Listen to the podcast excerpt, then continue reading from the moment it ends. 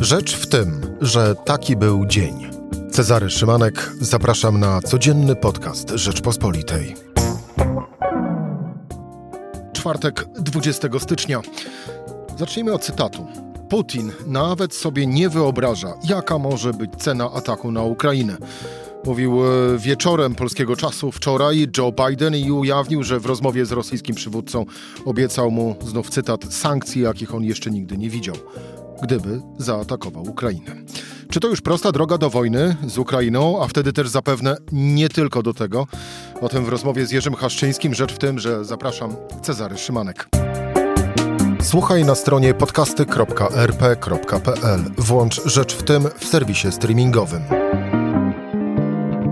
Jerzy Haszczyński, szef działu zagranicznego Rzeczpospolita. Jerzy, dzień dobry. Dzień dobry. Zanim to początkowe pytanie, bo odpowiedź na nie raczej zapowiada się na puentę, przynajmniej na dziś naszej e, rozmowy, bo każdy dzień przynosi nowe, nowe informacje, mm, to wpierw e, skupmy się na słowach amerykańskiego prezydenta. E, wielu było tak naprawdę zaskoczonych e, tą, tą wczorajszą wypowiedzią Joe Bidena, wypowiedziami e, w ramach tak zwanej rocznicowej konferencji, bo wczoraj minął rok od objęcia urzędu przez, przez Bidena, urzędu amerykańskiego przywódcy, prezydenta. Mm, ty byłeś zaskoczony tymi słowami, czy Jakie one emocje u ciebie wzbudziły? Że Putin sobie nie wyobraża, jakie sankcje mogą go dotknąć? Nie, raczej, raczej to, że tak naprawdę wojna jest nieunikniona.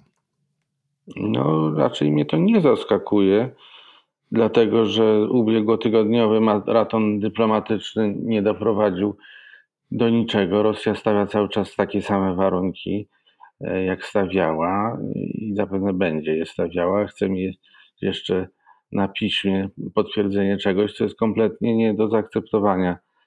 Dla Zachodu przynajmniej głośno tego nie można e, powiedzieć, no tym bardziej podpisać, bo Rosja chciałaby decydować o tym, co może, a czego nie może e, robić Zachód, czyli NATO, znaczna część państw Zachodu, e, a także tych państw, które aspirują do Zachodu.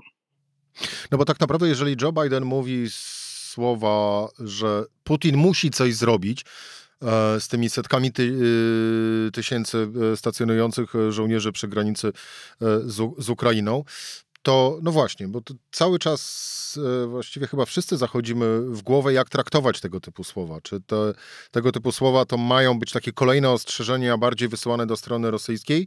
Czy tego typu słowa tak naprawdę to ma być przygotowanie opinii publicznej e, na świecie, a sojuszników w tej części Europy rzeczywiście do wojny już?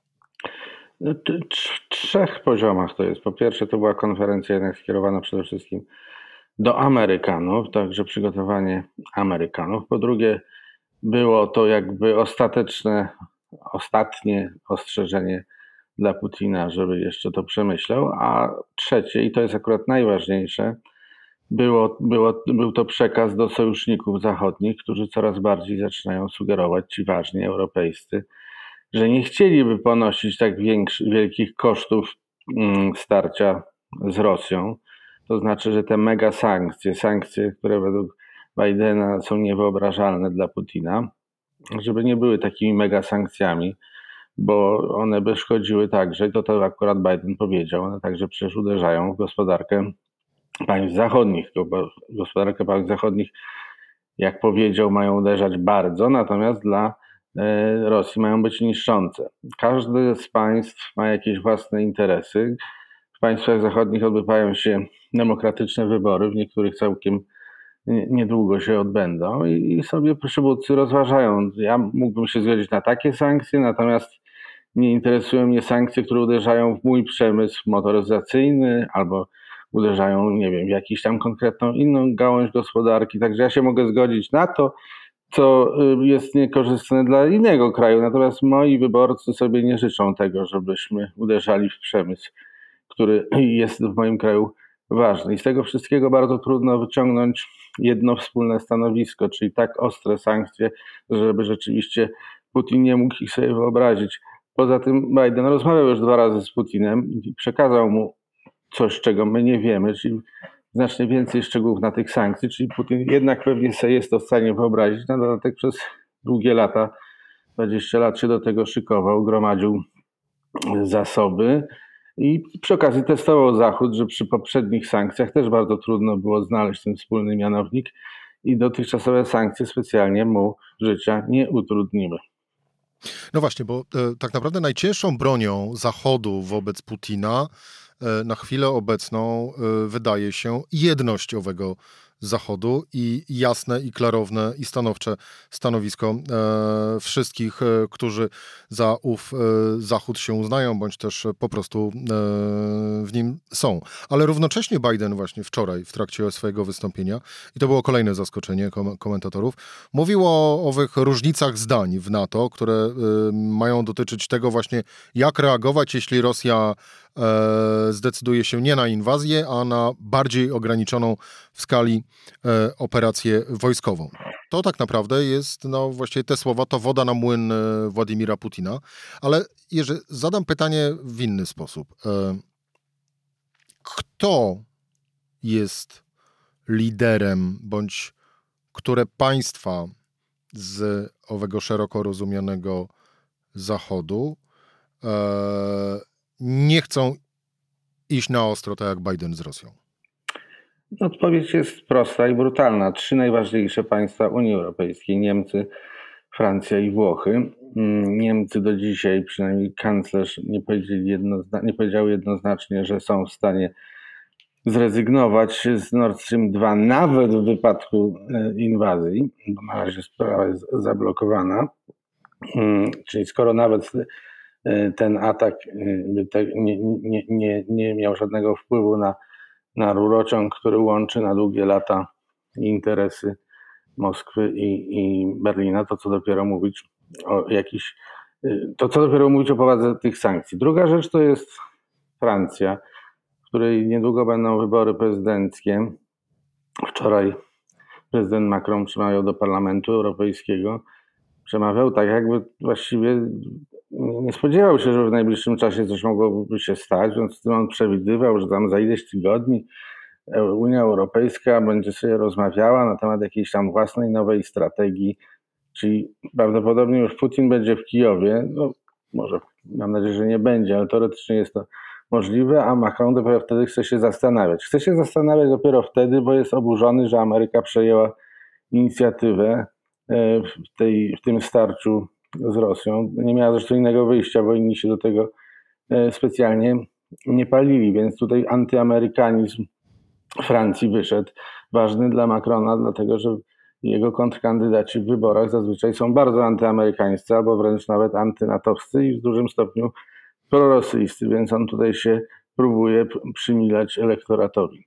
Trzecim państwem jest, są Włochy, czyli kraj numer 3, którego premier Mario Draghi, bardzo dobrze sobie radzący w ostatnich miesiącach z kryzysem, niestety powiedział zdanie całkiem niedawno, że on nie uważa, że powinny być poważne sankcje, bo to by zaszkodziło gospodarce Włoch, więc po co w ogóle to wprowadzać.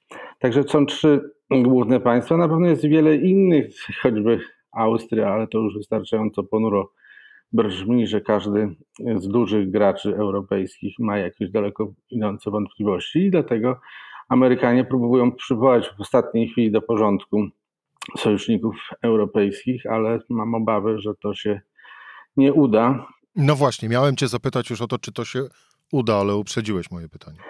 E, raczej się nie uda, właśnie dlatego, że każdy jest pod presją opinii publicznej. Na przykład poparcie dla Nord Stream 2 w Niemczech jest bardzo duże, ponadpartyjne. W Niemczech Wschodnich to totalne, niezależnie od tego, czy ktoś jest konserwatywny, skrajną prawicą, skrajną lewicą, lewicą czy zielonym, to mówi, że to byłoby straszne, gdyby musieli z tego zrezygnować i prawie we wszystkich partiach tak jest. No to jak jest się pod presją opinii publicznej wyborców, no to bardzo trudno powiedzieć im, no niestety my dla pana Zełenskiego i jakichś tam Ukraińców, bo dla większości ludzi Zachodu to są niestety jacyś tam Ukraińcy, musimy coś zrobić. To nie działa niestety dobrze na elektorat, dlatego jestem raczej pesymistą. Pesymistą jestem też dlatego, i to Biden wskazał, że są bardzo poważne różnice zdań na temat tego, cóż to będzie ta inwazja. Już wcześniej były takie obawy, że Amerykanie sami nie są w stanie zdefiniować tego, a przynajmniej nie chcą tego publicznie mówić, od którego momentu te mega sankcje miały być wprowadzane. No, wczoraj Biden zasugerował, że jakby to nie była jakaś poważna inwazja, tylko jakaś drobniejsza, to to jeszcze nie byłyby mega sankcje. No ale jak się komuś mówi, czy Putinowi, że możesz zrobić jeden krok, to on zrobi następny, bo wie, że przy następnym też będą rozważania, czy to już jest ten moment, czy jeszcze nie. I tak możemy się bawić, aż on dojedzie do Kijowa.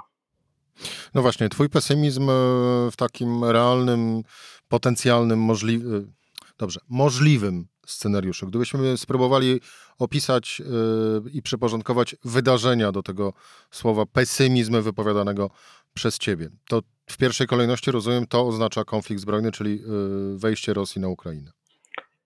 Tak, stopniowe. Właśnie obawiam się, że to będzie wyglądało tak, że najpierw Putin spróbuje jakieś, jakichś prowokacji, yy, jakichś działań służb specjalnych, ataków hakerskich, kolejnych Zresztą krok po kroku będzie przesuwał tę granicę i będzie testował cierpliwość Zachodu i dawał szansę Zachodowi, żeby wciąż mógł mówić: O, to jeszcze nie jest ten moment, poczekajmy, po co mamy sami tyle tracić. No tak, ale w ten sposób e, czołgi rosyjskie mogą e, wjechać e, do Kijowa i wtedy co? No i wtedy to będzie nie tylko sprawa Ukrainy, tylko będzie to sprawa także całego naszego regionu tutaj pogranicznego. I będziemy mieli problem na pokolenia. Jak Putin gdzieś wjeżdża, to zostaje tam na długo. Może niekoniecznie będzie y, kontrolował znaczną część Ukrainy zawsze, ale będzie na tyle destabilizował tam sytuację, że to będzie wpływało także na nasze życie, będzie obniżało standard, nasz standard będzie mniej inwestycji, będziemy traktowani jako mm, terytorium przywojenne, będziemy mieli mnóstwo sfrustrowanych uchodźców i sami będziemy się coraz bardziej frustrowali. Będziemy na długie lata, tak jak na przykład Gruzini czy Mołdawianie, którzy mają na swoim terytorium wojska rosyjskie, będą żyli w cieniu właśnie tego okupanta i on będzie narzucał rytm ich życia. Ale to również oznacza powrót do czasów zimnej wojny. No to, to już chyba ciepła będzie. Zimna to chyba już jest od jakiegoś czasu, tak bym to ujął, ale być może to nie mieszczy się w definicji ogólnie przyjmowanej, ale ja myślę, że zimna wojna to już trwa. Jerzy, nie no, no, korci mnie aż właśnie y, takie z kolei y, pytanie o prawdopodobieństwo możliwych scenariuszy, ale z o wiele większym prawdopodobieństwem można założyć, y, że o tym, co się wydarzy, tak naprawdę wie tylko sam Putin i niekoniecznie muszą się tego domyślać również, bądź też wiedzieć również jego doradcy i ta decyzja zapadnie tylko i wyłącznie w jego głowie. Ale spróbujmy sobie wyobrazić, jak wtedy wygląda wyglądałaby ta część Europy właśnie, w której również i my jesteśmy. Polsk czyli e, co by się z nami mogło stać, gdzie moglibyśmy wylądować, kim moglibyśmy być i z jakimi problemami moglibyśmy się mierzyć, jeśli na Ukrainie będzie trwała e, otwarta, otwarta wojna.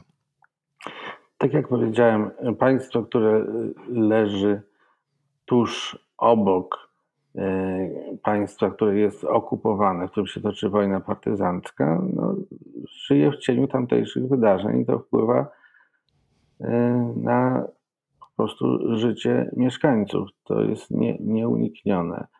Mm, pozytywnym w tym wszystkim elementem jest to, że Amerykanie obiecali zwiększenie obecności militarnej tutaj w, naszych, w naszym regionie co daje nadzieję, że Putin nie zrobi następnego kroku i nie spróbuje przetestować NATO już na terenie państw sojuszniczych w Polsce, na Litwie, w Estonii czy jeszcze gdzie indziej. Ale, można, ale, to, że, mhm. ale to, że to będzie miało wpływ choćby pod, względem, choćby pod względem napływu e, wielkiej ilości uchodźców, a także ze względu na to, że będziemy mieli u swojej granicy jakieś szczątkowe państwo, bo rozumiem, że jakby Rosjanie zajęli Kijów, to gdzieś władze musiałyby się przenieść bliżej Polski. To, I to będzie państwo z poczuciem wielkiej frustracji zawodu, różnie tam to może wyglądać. Może się też w bardzo niebezpiecznym kierunku rozwijać sytuacja w takim szczątkowym państwie ukraińskim. Ale to są tak ponure wizje, że aż się boję tego, co powiedziałem. E, to y, na tym zakończmy o wizję. Y, ostatnia kwestia, bo taka refleksja również mi się nasunęła po tym, co wcześniej mówiłeś, a mianowicie, że no właśnie dojdziemy, możemy dojść oto do takiej smutnej dosyć konstatacji, że partykularne narodowe interesy mogą zniweczyć pokój w Europie, a jeżeli się zniweczył w pokój w Europie, to tak naprawdę te partykularne narodowe interesy też przestaną mieć znaczenie, bo nagle pojawią się inne problemy. Problem polega na tym, że prawie nikt w sytych państwach Zachodu, nie znających poważnych konfliktów od tak dawna, że już prawie nie ma takich, którzy je pamiętają, że nikt nie myśli w takich kategoriach, albo prawie nikt nie myśli, że jeżeli ta granica niestabilności się przeniesie bliżej nich, no to zacznie w pewnym momencie wpływać i na nich, a poza tym, jeżeli oni nie będą mogli sprzedawać tych swoich samochodów i stawiać supermarketów, czy otwierać supermarketów w tych krajach, bo one są niestabilne, no to ucierpi też ich gospodarka. Tak się nie myśli i jest się mądrym po szkodzie. Nie chcę, żeby ta szkoda nadeszła, ale mam duże obawy, że tak może to wyglądać. Jerzy Haszczyński, szef działu zagranicznego w Rzeczpospolitej. Jerzy, dziękuję Ci dziękuję. bardzo za rozmowę. To była rzecz w tym w czwartek. Cezary Szymanek do usłyszenia po weekendzie.